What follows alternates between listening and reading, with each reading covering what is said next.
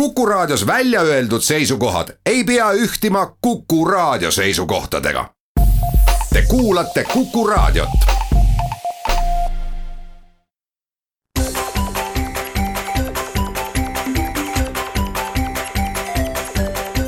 maksumaksja koostöös Eesti Maksumaksjate Liiduga.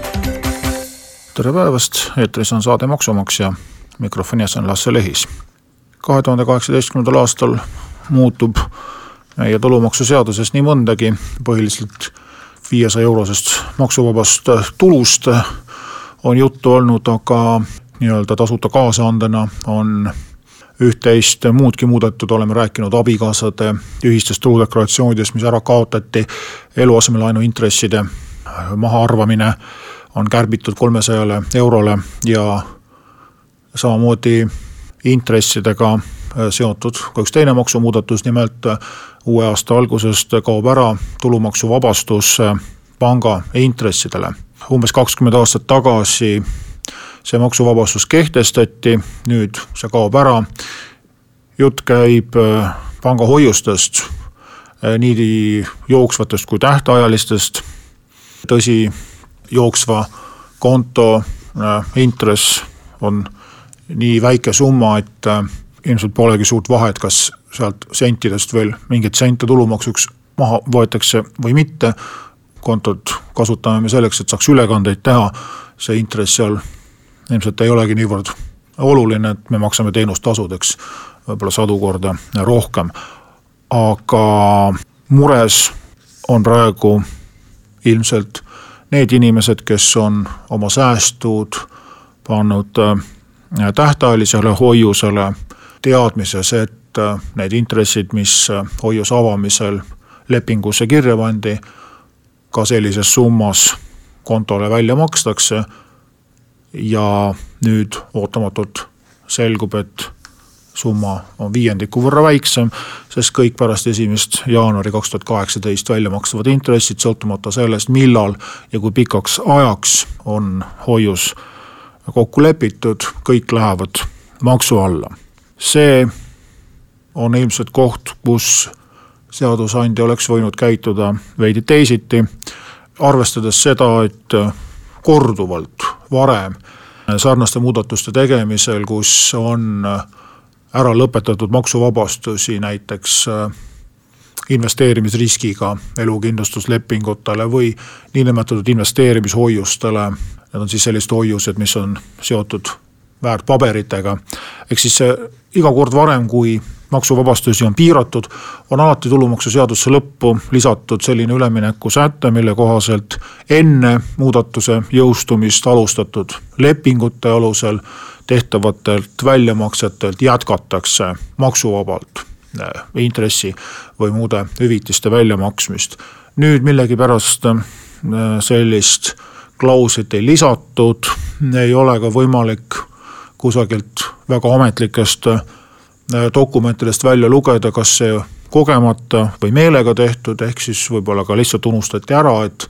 et kena oleks selliseid äh, üleminekusätteid lisada. võib-olla tõepoolest arvati, et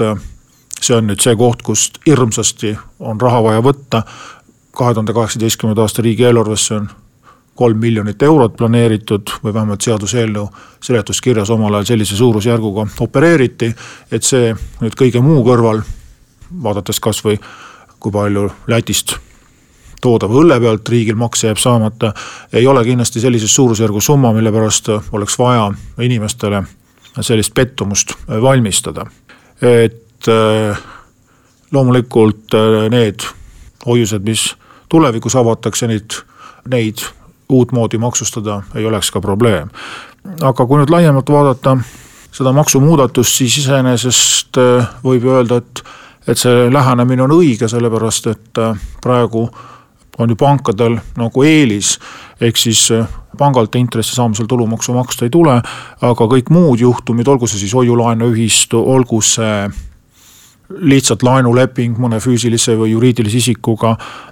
investeerimisfond võlakiri, kasvõi isegi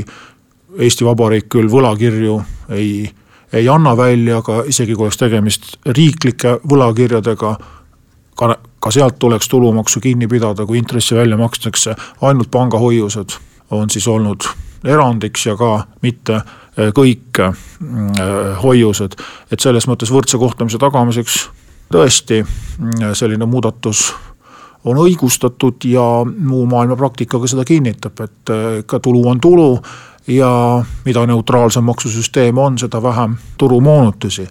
on ju veel ka muid sarnaseid tululiike investeerimisest, näiteks investeerimisfondid, pensionisambad, kindlustuslepingud, dividendid, väärtpaberite võõrandamine. Need kõik on tulumaksuga maksustatud, võib-olla mõned erinevused metoodikas on, aga iseenesest on üldreegel see, et igasugune investeerimistulu tulumaksu alla läheb Äh, nii Eestist kui välismaalt saadud tulu. ja kui me räägime intresside maksustamisest, siis äh, pangad peavad tulumaksu kinni, äh, kõik intressi väljamaksed, mis pärast esimest jaanuarit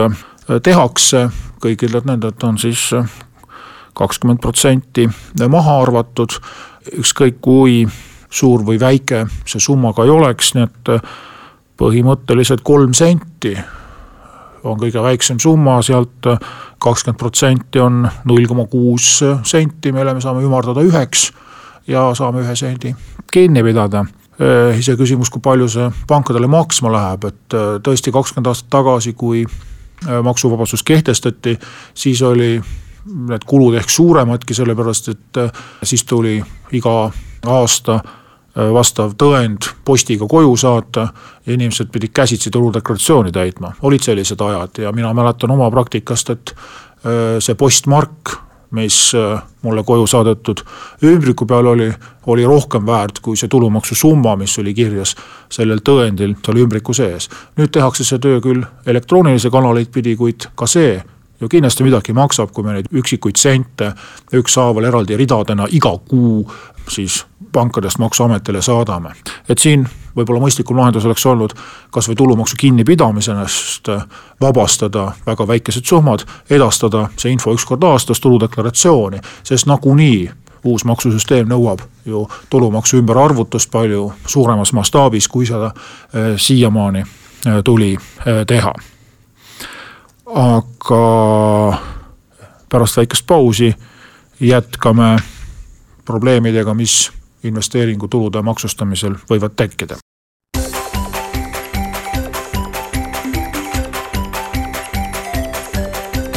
maksumaksja koostöös Eesti Maksumaksjate Liiduga. saade Maksumaksja jätkab, täna räägime panga hoiuse intresside maksustamisest. uuest aastast siis kõik väljamakstavad intressid, mis kontole laekuvad, on kahekümne protsendi võrra väiksemad. Deklareeritakse, edastatakse andmed Maksu- ja Tolliametile, lähevad kirja tuludeklaratsiooni, lähevad maksustamisele ka varem sõlmitud tähtajaliste hoiuste intressid, inimesed võivad tunda ennast petetuna, küsida, kas selline lähenemine on kooskõlas põhiseadusega, on võib-olla valiku ees, et äkki õnnestub leping ennetähtaegselt lõpetada, intressid sellel aastal kätte saada, sõltuvalt lepingust, kindlasti on seal trahvid, võib-olla ei saa üldse intresse, võib-olla saab poole vähem kumb on kasulikum, maksta tulumaksu või jätta raha pangale, kas oleks olnud lihtsam säästa inimesi sellistest halbadest valikutest. aga edasi, viiesaja eurone maksuvaba tulu teatavasti hakkab meil ju sõltuma isiku kogu sissetulekust. see tähendab, et kui pangahoiuselt saadakse vähegi arvestatavaid intresse, siis äh, toob see kaasa täiendava tulumaksukohustuse kahes plaanis, esiteks äh, läheb intress ise tulumaksuga maksustamisele kohe intressi väljamaksmisel ja teiseks, kui isiku äh, keskmine kuu sissetulek on vahemikus tuhat kakssada kuni kaks tuhat ükssada eurot ja inimene ei ole tööandjale maksuvaba tulu avalduse esitamisel neid saadavaid pangaintresse sisse arvutanud, siis tähendab, et täiendavalt iga üheksa senti pangahoiuse intressi tekitab ühe sendi tulumaksukohustust järgmise aasta esimeseks juuliks, mis samuti võib pärssida inimeste soovi oma raha pangas hoida või vähemalt pangas tähtajalisi äh, hoiuseid avada. tekivad äh, probleemid pensionäridel pensionäridel põhimõtteliselt, kui pension on alla viiesaja euro, on võimalik tulumaks tagasi saada, ehk siis kui tema pension ja pangahoiuse intressid kokku on alla viiesaja euro, siis äh, kuna nüüd lubati, et pensioniametil ei ole vaja maksuvaba tulu rakendamiseks avaldust esitada, siis pensionäridel võib olla kasulik äh, siis see viiesajast eurost puuduv osa, mis pensionist kasutamata jääb, esitadagi näiteks pangale, äh, kes siis hoiuseintressi väljamaksmisel saab ka maksuvaba tulu osa rakendada, ehk siis natuke rohkem bürokraatiat, aga võimalik raha ehk kiiremini kätte saada. aga millised võiksid olla majanduslikud tagajärjed? no selge, et praegu panga hoiuseintressid ei ole just ülemäära suured, kui viisakalt väljenduda, siis see on juba aastaid suunanud inimesi oma mõtteid muudele investeerimisvõimalustele, on need siis hoiulaenuühistud, on need mitmesugused ühisrahastusportaalid ja ilmselt see samm, mis nüüd maksustamisel äh, tehakse, äh, veelgi süvendab neid protsesse, et inimesed äh, tahaksid oma vaba raha paigutada siis sinna, kus on suurem tootlus ja kuna nüüd tulumaksu alla lähevad nad kõik ühtemoodi, siis ei ole pankadel enam ka seda eelist. küll aga tasuks meeles pidada seda, et kõrgem tootlus tähendab ka kõrgemat riski ja pangahoiused on tagatud riikliku hoiusekindlustuse süsteemiga, ehk siis kui ka panga pankrot peaks tulema, on hoiustajal siiski võimalus see raha tagatisfondist kätte saada. muud laenuportaalid ja ühisrahastused sellist kindlustust ei oma, mis tähendab, et on küll võimalik saada võib-olla siin kaheksa või kaksteist protsenti aastas intressi, aga noh, võib-olla umbes sama suure protsendiga on ka tõenäosus, et ei saa üldse mitte midagi, ei saa ka raha tagasi, mis paigutati. ja kui nüüd riigi maksupoliitika suunab inimesi sellele, et võtta rohkem riske ja rohkem teha selliseid investeeringuid, kus on oht üldse oma rahast ilma jääda, siis see ilmselt ei ole samm jällegi selles suunas, kus inimesed oma riiki usaldaksid ja, ja nende valikutega rahul oleksid aga kui nüüd edasi minna investeeringute maksustamise äh, variantidega, siis äh, needsamad äh, ühisrahastused ja lootusetud laenud viitavad veel ühele teisele riskile, mis meil Eesti maksusüsteemis on. nimelt kui rääkida võrdsest kohtlemisest, jah, et ühest küljest me siis kohtleme neid pangahoiuseid samamoodi ühisrahastustega, siis kui me räägime ka riskidest ja kuludest, siis tegelikult võrdset kohtlemist igas olukorras ei ole. et kõik inimesed, kes eraisikuna soovivad riskantseid investeeringuid teha, peavad arvestama topeltriskiga, esiteks võib rahast ilma jääda ja teiseks tuleb sellelt ilma jäänud rahalt veel ka tulumaksu maksta. nimelt kui ei tegutseta ettevõtjana, siis tavalise füüsilise isiku maksustamise reeglid on sellised, et võetakse arvesse ainult tulud ja kulud on igaühe isiklik probleem. et kui ma saan, niikaua kui ma saan ühisrahastusest intressi, maksan ma sellelt intressilt kenasti tulumaksu ära. kui aga minu tulud piirdusidki intressiga ja laenu ennast ma tagasi ei saa, siis seda ma oma intressitulust maha arvata ei saa ja juba maksustatud intressidelt tulumaksu keegi mulle tagasi ei maksa. samamoodi on kursivahedega näiteks, kui ma investeerin mitte eurodes, vaid dollarites, siis kui ma võidan, siis ma maksan tulumaksu, kui kurss langeb, siis seda arvesse ei võeta. jälle üks põhjus OÜ-tamiseks, kes vähegi tõsisemaid investeeringuid teeb, asutab osaühingu ja seal saab oma raamatupidamises kõik vajalikud kulud maha arvata, ka näiteks äh, ühisrahastusportaalide vahendustasud või muud äh, sarnased kulud, mis äh, investeerimisega võivad kaasneda. või ka näiteks selline näide, et äh, alustav ettevõtja oma värskelt loodud osaühinguga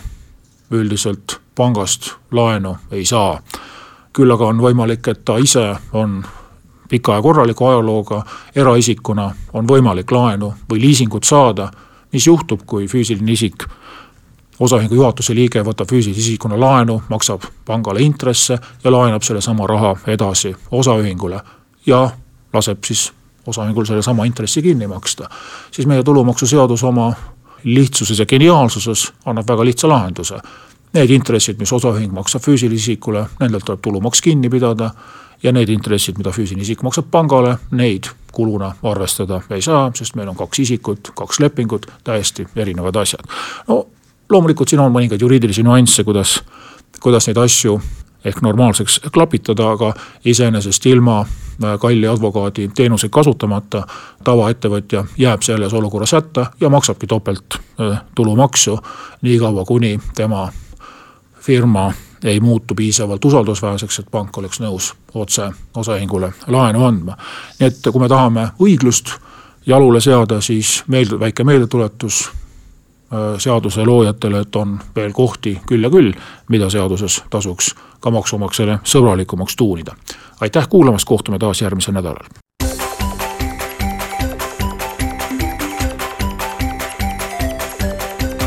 maksumaksja